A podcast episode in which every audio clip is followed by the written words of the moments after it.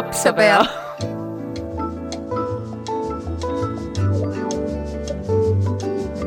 tere, mina olen Berit ja minuga siin on Ester ja me oleme kogunenud siia selleks, et rääkida raamatute lugemisest. me oleme üsna kindlad selles, et äh, kirjandus ja raamatute lugemine peaks ennekõike olema rõõmu ja naudingut pakkuv tegevus. aga nagu on selgunud, siis äh, võib see mõnel juhul kaasa tuua ka mõningast häbi või siis täpsemalt öeldes valehäbi. Äh, selleks, et saada aimu, missugused häbiväärsed seigad võivad raamatute lugemise või mittelugemisega kaasneda, küsisime me võimalikult paljude inimeste arvamusi, millele siis ka suuresti meie tänane saade ja arutelu toetub. ja need küsimused, mis said siis laiale ringile ette antud, olid näiteks sellised, et kas sa oled kunagi tundnud mõne lugemata raamatu pärast häbi? või vastupidi, oled sa ehk mõnda raamatut lugenud ja seda isegi nautinud, aga ei taha seda tunnistada, sellepärast et natuke häbi on? või hoopis oled sa äkki raamatuid peitnud või varjanud, näiteks eemaldanud mõne eriti magusa naisteka, eneseabiõpiku või hoopiski pühakirja riiulist enne külaliste tule tulekut? või oled sa mõne raamatu ostmist tuliselt kahetsenud või hoopis mõne raamatu varastanud? Ja no muidugi me küsisime neid küsimusi kõigepealt endalt ja selleks, et saada siis teemast paremat ülevaadet, kogusime mõnusat tagasisidet ka sotsiaalmeediast ja saime aru, et me ei olegi nende keeruliste tunnetega tegelikult üldse üksi. ja saime sellest ka aru, et jagatud häbi on topeltrõõm. aga meie lähtepunkt on siiski see, et lugemine on nauding ja olenemata sellest, et sellega võivad kaasneda teinekord nii häbi kui ka kannatused, tasub see igal juhul ette võtta. aga kui nüüd veidi üldistada, siis võiks öelda, et inimesed loevad raamatuid hästi erinevatel põhjustel ja kui me jaotuks lugemisnaudingu või lugemisrõõmu, nagu seda tihtipeale kutsutakse, mm, näiteks nelja kategooriasse, siis äh, esimene võiks olla mängurõõm, mis tähendab, et sina lugejana oled täielikult haaratud loetusse, kujutad ette, lood tähendusi, suhestud tegelastega, astud korraks oma elust täiesti välja. mõni kutsub seda ka põgenemiseks. ja üks tore näide, mis meile saadeti ongi mängurõõmu kohta. näide on järgmine. ma ükskord ei suutnud vastu pidada ja lugesin töö juures terve päeva töö tegemise asemel raamatut.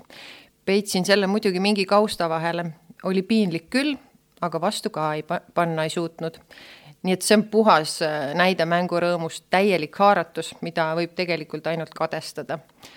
siis on olemas intellektuaalne rõõm ja see on siis selline teksti tähenduslik mõtestamine, kuidas see on koostatud, kuidas autor seda esitab ja võib-olla natuke rohkem strateegiline lähenemine lugemisele. kuigi ei saa öelda, et ka mängurõõm ei oleks intellektuaalne rõõm, aga kindlasti on seda liiki rõõm omane mõttekirjanduse lugemisel. ja siis tuleb sotsiaalne rõõm või sotsiaalne nauding, mida ma olen täiesti kindel, et me kõik oleme kogenud see on siis selline rõõm, kus äh, lugeja suhestub autori, tegelaste, teiste lugejate, iseendaga, äh, uurib seeläbi iseennast, saab midagi enda kohta teada ja see kõik kindlasti avardab, suurendab, äh, ma arvan, ka empaatiat ja heatahtlikkust. ja siia otsa üks näide ka.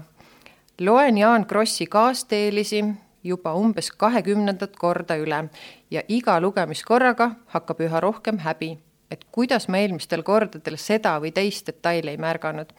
aga see on nagu mingi salapatt, et mida rohkem loen, seda rikkamaks pilt sellest suurmehest läheb. vahest on tunne, et ma ei saagi sellest raamatust kunagi päris lahti. Ja tundub, et see meeldib tegelikult sellele lugejale, see selline väike salapatt.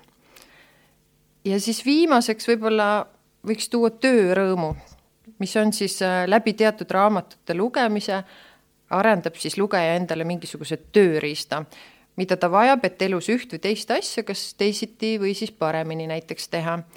ja ma arvan, et see on väga selline eesmärgipärane lugemine. sa lihtsalt tahad mingit sooritust paremaks saada. ja selle töörõõmu juurde, et ma ei tea, et kas siia alla käivad ka kõiksugu manuaalid ja eneseabiõpikud, mis sa arvad? tõenäoliselt tinglikult küll, jah Äh, kuigi noh, eneseabiõpikute puhul äh, võib-olla see idee sellest, et sa saad selle tööriista tähendab, sa võid saada selle tööriista, aga kas sa seda ka kasutama hakkad, on järgmine küsimus. aga kindlasti, kui sa tahad telekat parandada, siis äh, tänapäeval vist keegi ise ei paranda enam telekat, aga siiski juhul, kui sa tahad äh, ja loed mingit telekaparandusraamatut, mida on rohkelt saada ju, mille sarnaseid ja siis parandadki teleka ära, siis jah, ma arvan, et, et see kvalifitseerub, ma ei tea. jah, sest ma arvan, et on ka mingi täiesti tüüp inimesi, kes loevad manuaale, ma tean inimesi, kes ei vajuta ühtegi nuppu ühelgi uuel masinal, enne kui ta ei ole manuaali läbi lugenud. ja võib-olla see on siis selline nagu töörõõmulaadne nauding äkki, mida nad tunnevad sellest salaja.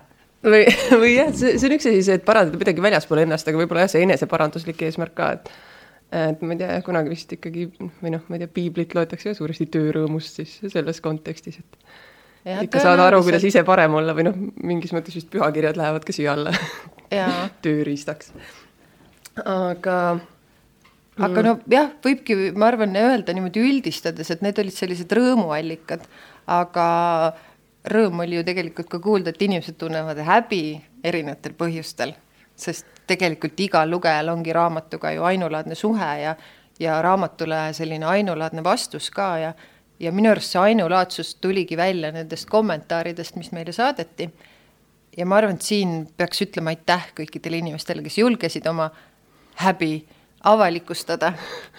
jah, või siis salaja seda jagada, et. või siis salaja sõnumites jagada just, et meile tuli nii avalikke kui ka salajasi häbisõnumeid ja tegelikult kõik olid hästi mahlased lugemised ja me jagasime siis need häbid kuidagi alateemadeks ja ma arvan, et me ei saa ka öelda, et me selle häbi nüüd kuidagi avalikku häbiposti riputaks, et pigem see on nagu midagi sellist avaliku kollektiivse lunastusposti sarnast, et räägime sellest häbist.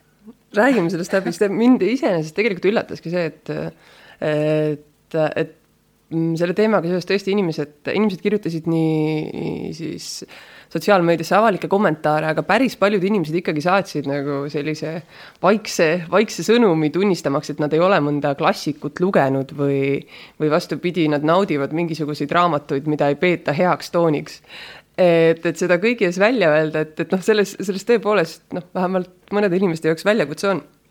noh, mis ka selle me, et meil oli suur rõõm, et see väljakutse siiski olemas on, et ei olnud see teema päris õhust võetud.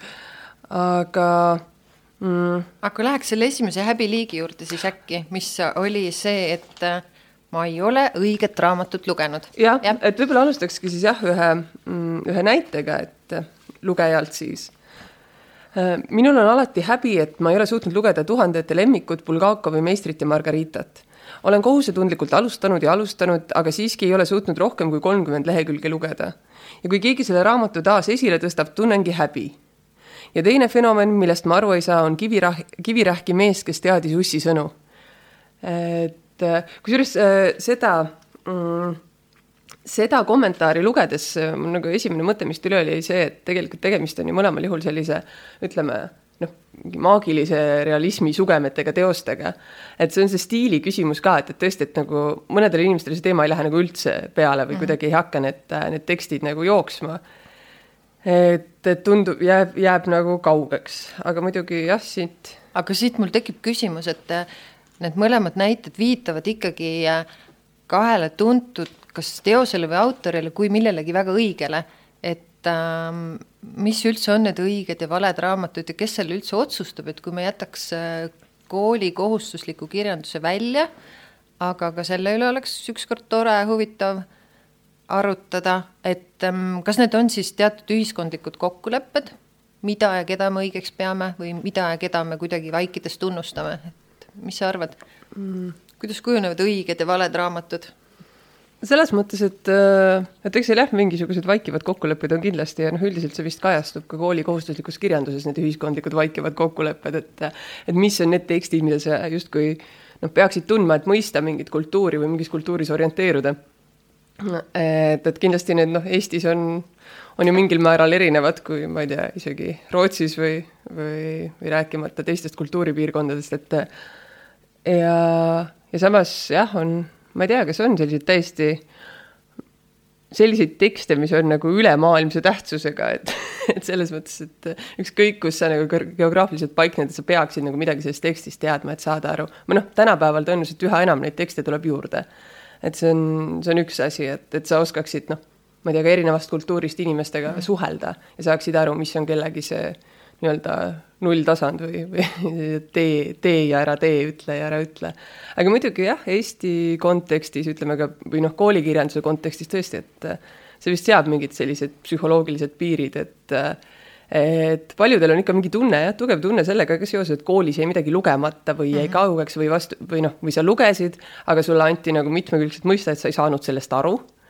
ja, ja siis sa nagu mm, lähedki läbi elu selle tundega, et, et sa oled teinud midagi väga valesti, sellepärast et sa näiteks ei, seal kaheksanda klassi õpilasena ei suutnud mingi Kafka protsessi nagu päris nagu läbi tunnetada ja, ja sellest parimat võtta enda jaoks, et ütleme nii.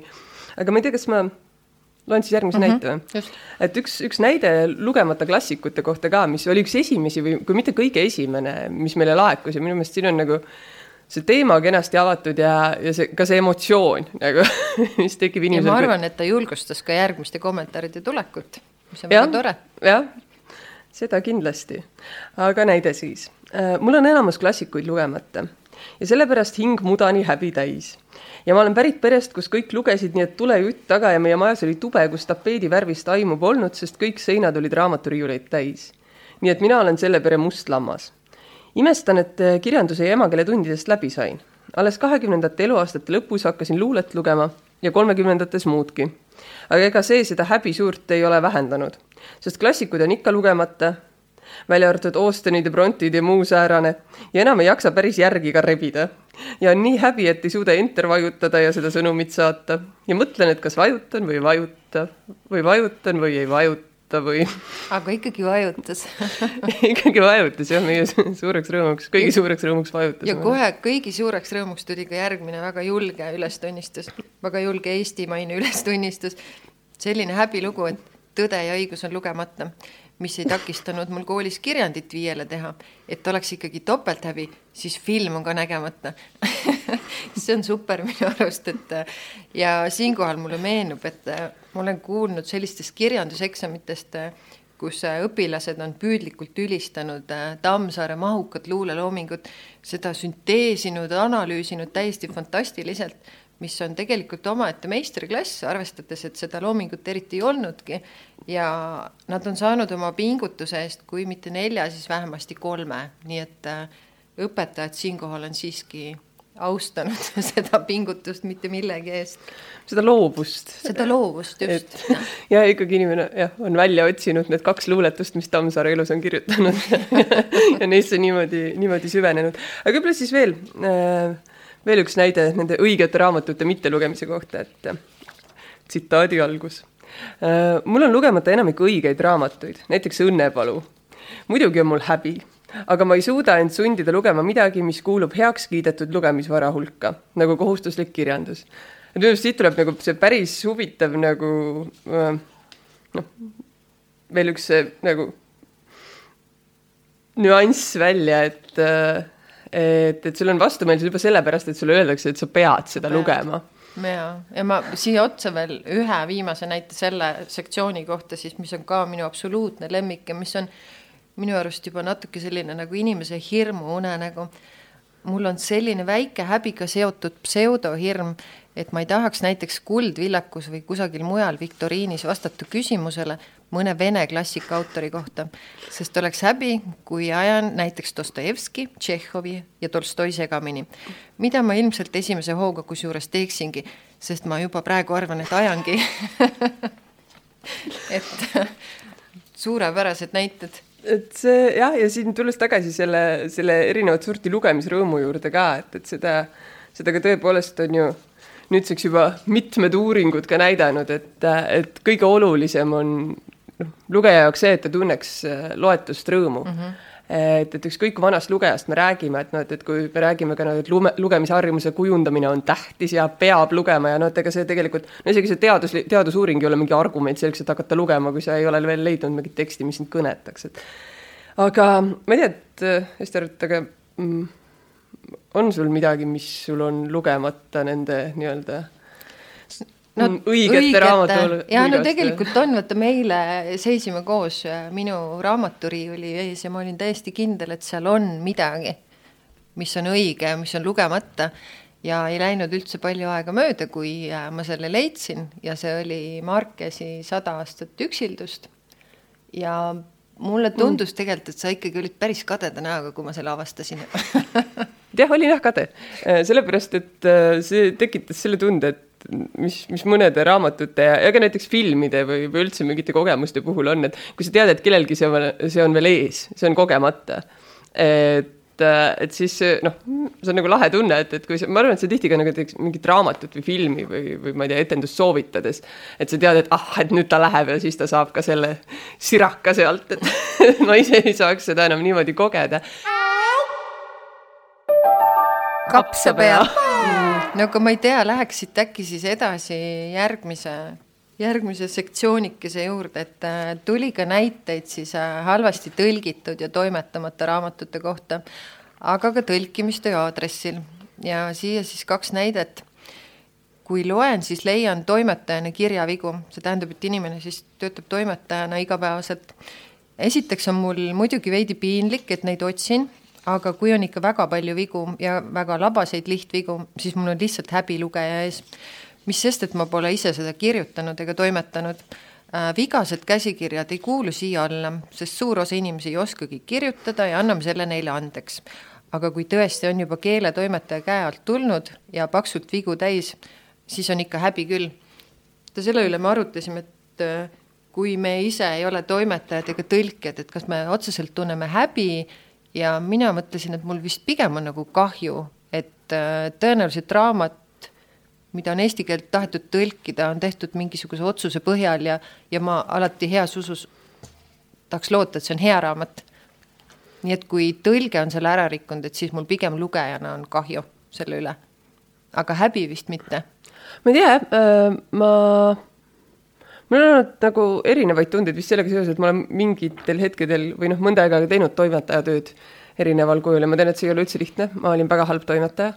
Äh, õnneks mul oli hea kolleeg, kes mu tekstid üle käis, aga, aga see tunne küll, et, et kui sa mõnda raamatut vaatad ja siis saad aru, et see on nagu noh, mingeid täiesti nagu labaseid vigu täis, et selles mõttes, et siis tekib see tunne küll, et, et noh, et ma ei tea, et miks ei ole nagu võetud toimetajat näiteks või. Algupäranditega on see samamoodi, selles suhtes ei pruugi ainult tõlgijatega niimoodi olla, et noh et on mõnikord, mõnda inimest on keeruline veenda, et iga ta sõna ei ole nagu äh, noh, kuld. Kas see siis tähendab, et mõni toimetaja vajab toimetajat? Mm,? mõnel juhul küll jah. Algaja toimetaja, see läheb liiga spetsiifiliseks, aga aga siis on jah, tuli ka üks, ühe tõlkija kommentaar umbes samast žanrist, et et minu suurimad häbid on seotud raamatutega, mis on tõlkimist alustades tundunud jumala süütud ja kust on häkitselt hakanud voolama täielikku pornograafiat. nii et väga, väga advendilik pihtimus. et, et see on ka muidugi jah, selles mõttes, et mis sa teed ja küsin täpsustavaid küsimusi, tõenäoliselt lähed ikkagi läbi. aga ma arvan, et noh, lugejana samamoodi, et kas sa tõlgid või loed, et ma arvan, et kõigil on neid momente, et mingi raamatu alguses nagu tõotab midagi muud ja siis korraga nagu, ma ei tea, vahepeal autor mingi vahetab žanri või? no just, see vajabki loovat lähenemist lugejana, eks ju, nagu need Tammsaare tõlgendajad võib-olla võib-olla tõesti. nii, aga siis mm, liigume oma kategooriates edasi, et mm, järgmine raamatuhäbi alaliik, mille me siis tuvastasime, kuna me oleme siin häbi, häbi, häbide avastajad. häbituvastajad. häbituvastajad, jah. et äh, oli komme tsenseerida oma raamaturiiulit ja, ja ja üldse siis nagu see teema, et, et kas inimestel on raamaturiiulites raamatuid, mida nad nagu mingil põhjusel piinlikuks peavad ja näiteks ka peidavad teiste inimeste eest. et äh, ja noh, alustaks siis ka äkki näitega, et äh, ka näide, mis tegelikult äh, tuli ühelt toimetajalt, mis tuleb vist siit ka välja, aga äh, mul on riidekapi tagumises nurgas mormooni raamat ja piibel.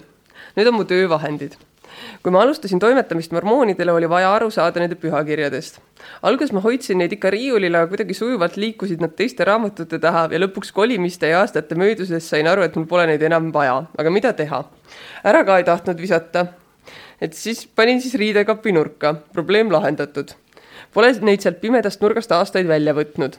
vahepeal mõtlesin, et, et äkki viiks taaskasutusse. aga ma ei suutnud, siis hakkasin mõtlema, et ikkagi püha kiri ja, ja häbi on niimoodi taaskasutusse viia. kõige naljakam oli see muidugi, et ma ise nii suurt piinlikkust tundsin, et need raamatud mul riiulil olid. et nagu see tõesti oleks mingisugune häbiasi no, ma panen siia otsa kohe järgmise näite, mis on selline radikaalsem Äh, kui riiuli taha peitmine, et mm, panin Ameerika psühhopaadi kaminasse ja põletasin ära. tundus, et selle vastik sisu tungib isegi riiulil kaantest läbi ja mürgitab kodu. siis veel raamatuvahetust ei eksisteerinud. moodsal ajal oleks sellele ehk seal soovijad leidunud ja täna vaatangi, et seal on kolmkümmend kaks inimest, kes seda soovib ja pakkujaid on null samas meenutades tookordset tunnet, oleks see tõenäolisemalt ikkagi tuleroaks saanud. ja siis tuleb kohe vastus, mul on täpselt samad tunded selle raamatuga, aga ma tundsin, et parem kättemaks on see rahaks teha. osta ees, sain selle eest kakskümmend eurot. ja lihtsalt taustaks siis, et ähm, Ameerika psühhopaat äh, on siis raamat, millega Bret Easton Ellis sai kultuskirjanikuks ja teda on siis äh, nimetatud ka oma põlvkonna Salingeriks. just sellepärast, et ta suutis selle raamatuga väljendada Ameerika elu, ängi ja õudu ja tegu on siis tõeliselt vägivaldse õudusromaaniga. nii et sellised näited. ja sa võtad äkki selle päikesemärkide see, see sobib sulle jah, see sobib, see sobib mulle tõesti suurepäraselt, et, et ka üks, üks postkasti laekunud äh, mm, laekunud pihtimus oli siis astroloogilise kirjanduse kohta. et äh, tsitaadi algus. Äh, nii hirmus, et äh, siiamaani ei saa ju avalikult tunnistada, aga mulle on meeldinud lugeda raamatut Päikesemärgid. alles hiljuti oli uuesti käes ja riiulis on see raamat mul ka pigem teiste taga peidus.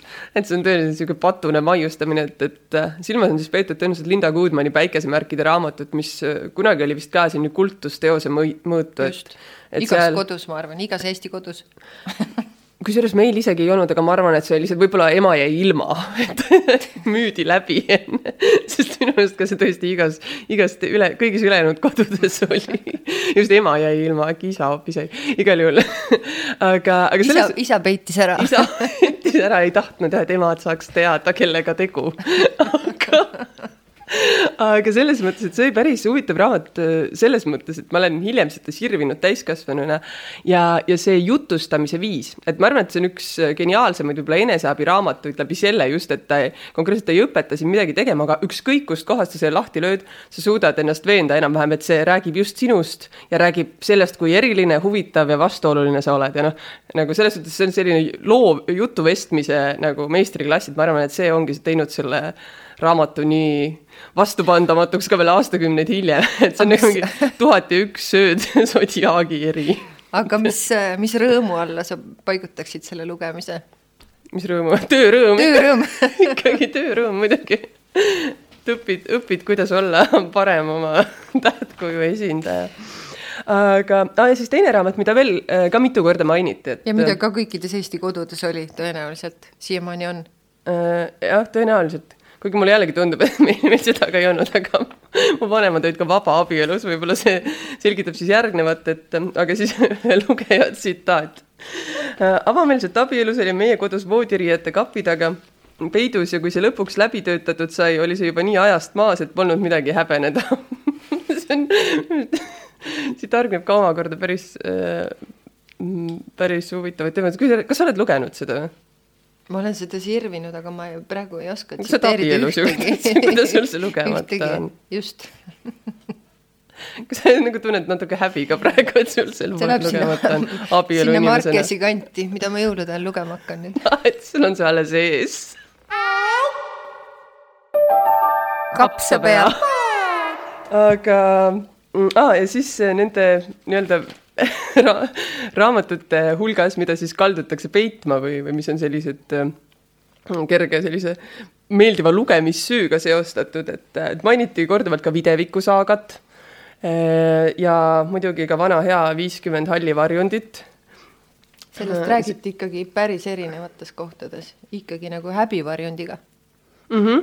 aga samas näiteks äh, Paolo Coelho romaane mainiti äh, mõlemas kontekstis minu meelest, et äh, nii läbi selle, et, et aa, et piinlik, et see on mul riiulis, kui ka läbi selle, et, et piinlik, et ma ei ole lugenud. ja, ja tegelikult sealt tekib ju ka see küsimus, et kui mingi tekst, et isegi kui ütleme, et ma ei tea, kirjandusteadlased tema peale nina kirtsutavad, aga, aga kui mingist tekstist saab bestseller, et siis ikkagi temast nagu saab juba mingi asi, mida sa justkui peaksid nagu teadma selles kultuuris, et umbes, et noh, et aimama, et millest ta räägib viiskümmend halli varjundit, kuigi sa nagu seda võib-olla lugeda ei taha või? Kohustuslik kirjandus. ja, me siis tegelikult siin mõtlesime, et kas me oleme ise ka sellega tegelenud, selle raamatute peitmisega. Ja mul tuli meelde küll üks kevadine hetk, kus oli ilmunud värske Eesti novell ja Eesti novell palus pildistada oma raamatu riiulit koos muidugi värske nende raamatuga. ja ma ikkagi tunnistan, et kui ma hakkasin seda pilti tegema, siis ma ikkagi sättisin mõned nii-öelda õiged raamatud Eesti novelli lähedusse ja mõned natuke vähem õiged raamatud sealt ära. ja ma püüdsin neile meenutada, et mis see siis oli, mille ma ära sättisin. ja see oli Gunnar Aarma Saada õnnelikuks ja siis minu lemmik äh, Rumeenia nihilist Siorani kaks esseistikaraamatut väga toredate pealkirjadega nagu Sündimise ebaõnnest ja Lagunemise lühikursus. ehk siis äh, mul oli väike hirm, et kui need kõik seal reas on, et tekib küsimus, et äh, mis mul viga on aga Siorani ma siiski jätsin sinna, aga Gunnar Aarma ma tõstsin alles eile tagasi, jah et kui keegi näeb su riiulis raamatut Saada õnnelikuks, et siis äkki arvatakse, et sa ei ole või? Jah, ja et kui mul on seal kõrval veel sündimise ebaõnn ja lagunemise lühikursus, aga sa oled ka kindlasti midagi teistpidi keeranud või?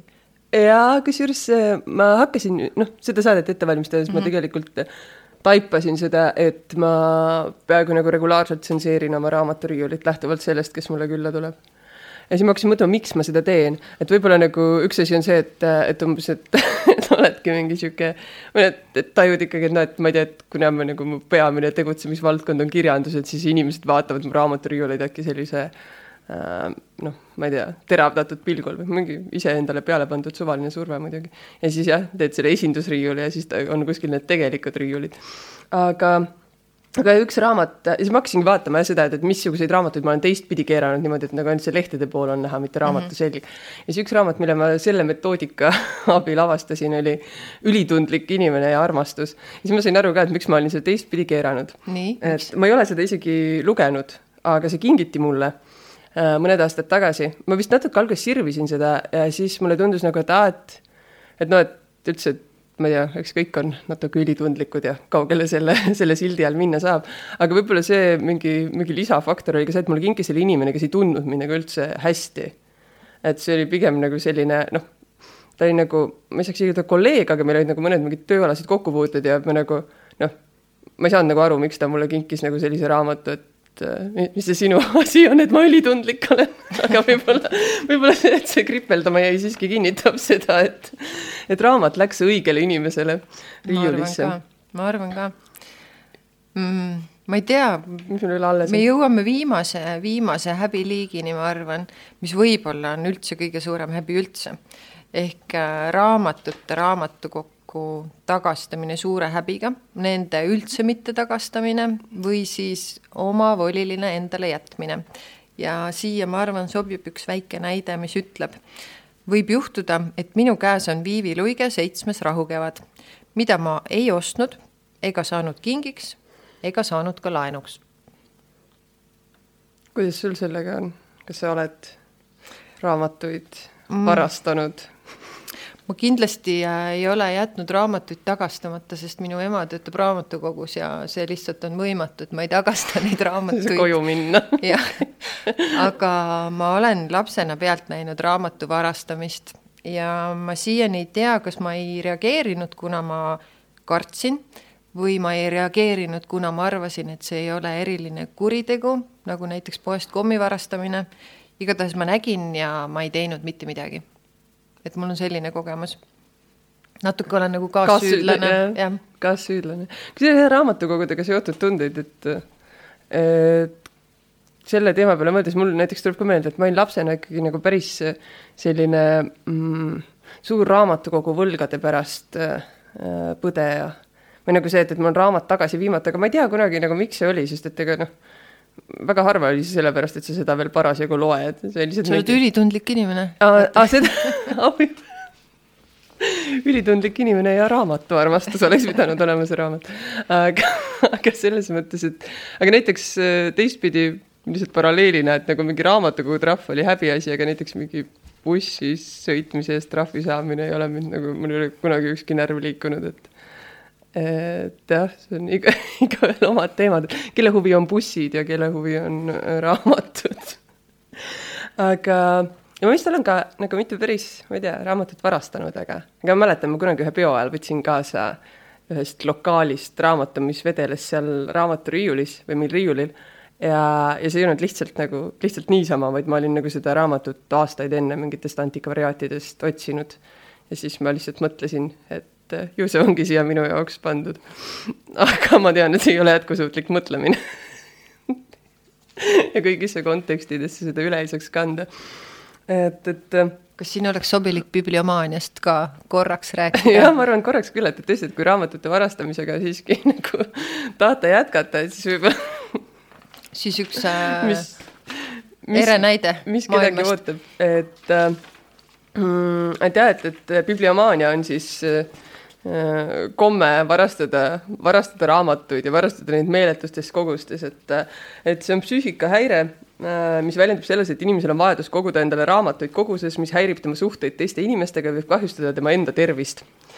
ja üks maailma kuulsamaid bibliomaane on siis äh, teadaolevalt, teadaolevalt St Stephen Carey Bloomberg, äh, kes sündis Minnesotas, aga, aga bibliomaaniks hakkas Iowas ja, ja ta arreteeriti aastal tuhat üheksasada üheksakümmend, pärast seda, kui, kui ta oli varastanud kokku üle kahekümne kolme tuhande raamatu, äh, mille väärtuseks hinnati siis äh, toona umbes viis koma kolm miljonit äh, USA dollarit.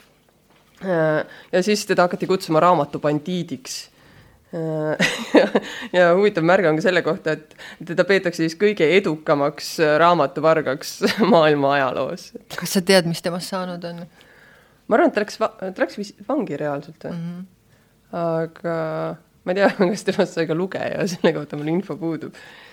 et äh, aga ühesõnaga jah, see kindlasti see ei jää karistamata, kui sa raamatuid varastad, et see varastamisrõõm ei ole seda väärt. me ikkagi soovitame lugeda raamatuid mm -hmm. ausal teel ausal teel saadud raamatuid.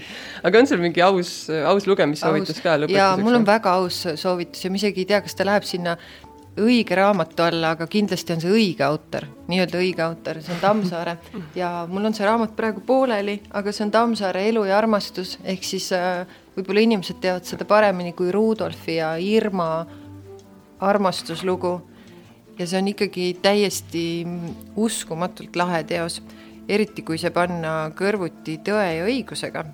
ja ma ikkagi tabasin ennast mõttelt, et Tammsaares oli ikkagi küllalt ainest äh, telenovela stsenaariumide kirjutamiseks kusagil hoopis teisel mandril, sest äh, see elu ja armastus on täiesti korralik jant, kohati ka traagiline, aga lugu siis armastuse eetikast, psühholoogiast ja kui palju ilusaid tühje sõnu seal on, palju petetuid lootusi ja mõnus eesti keel, kaunid kujundid ja peenhuumor ja kui nüüd mõelda häbi peale, siis ikka päris mitu korda oli häbi selle peategelase Rudolfi pärast, et kaua võib loopida sõnu ja Irma pärast tegelikult ka, et kaua sa jaksad kuulata, kaua sa jaksad uskuda. ja lugesin järelsõnast, et Tammsaare tahtis tegelikult Rudolfit äh, Tõe ja õiguse neljandasse köitesse, aga ikkagi ta päris hästi sinna ei sobinud ja ma mõtlen, et see võib-olla ongi hästi. et äh, muidu ei oleks Rudolf saanud äh, nii palju võib-olla särada ja oma kuulsaid lauseid nagu, mis on minu lemmik, vahel on elu armsam kui armastus öelda. nii et äh, Tammsaare Elu ja armastus on minu kindel lugemissoovitus. mis sul mm,? ma siis äh, soovitaks äh, tõesti häbitult äh, lugeda Aino Perviku Kunksmoori see on ka õige raamat. see on, see on väga õige raamat, üks, ükskõik, kes sa oled. ja, ja selles mõttes, et ei tasuks üldse tunda häbi, et tegemist on väidetavalt äh, äh lasteraamatuga äh,. sellepärast, et äh, kui mina mm, ma lugesin selle raamatu täiskasvanuna üle, ma arvan, mingi kahekümnendate eluaastate esimeses pooles ja ma olin täiesti nagu vaimustunud sellest, et et noh, üks asi on see, et seal on mingisugused teadmised nagu niimoodi pähklikoores edasi antud või see Kunksmari enda kõnepruuk on ka nagu selline päris, päris mahlakas ja, ja selliste tabavate kujunditega. aga, aga siis, kui ma seda nagu täiskasvanuna üle lugesin, siis ma hakkasin tõesti nagu tajuma, et tegemist võib olla nagu ühe eesti keeles kirjutatud vaata et kõige geniaalsema suhteõpikuga. et, et kui sa vaatad seal, kuidas need karakterid nagu omavahel suhtlevad ja, ja missugune nagu äh,, missugune on elu väga väga emotsionaalse ja, ja, ja võimeka inimese kõrval, kellel süda on õiges kohas, aga kes nagu on absoluutselt kõigis asjades maksimalist, et et selles suhtes see on, see on väga lahe raamat, need karakterid on täiesti geniaalselt kirjutatud lahti, et et soojalt soovitan ja jube lõbus on ka. ja, ja noh, näiteks üks elutarkus, mille ma olen sealt muuhulgas kaasa võtnud, on see, et võib-olla praegu ka sihuke hooajaline, et, et kui, kui, kui sa jääd haigeks et siis ole kohe mõnuga haige. et, et mine pikali ja, ja nagu ümbritse ennast kõikvõimalike mingite, ma ei tea, rohupottide ja asjadega ja ära mõtle selle peale, mis sul tegemata jääb, et võta, võta seda täiega, sest varsti sa oled jälle terve ja, ja siis nagunii saad kõiki neid asju teha. et jah. ma arvan, et see käib lugemise kohta ka, et kui sa loed, loe ja naudi täiega ja ära mõtle, mis sul tegemata jääb mm -hmm. samal ajal. et võib-olla sellega ongi hea meil lõpetada jah, lähme siis ära nüüd siit. Lähme ära. aitäh. aitäh, tšau. kapsapea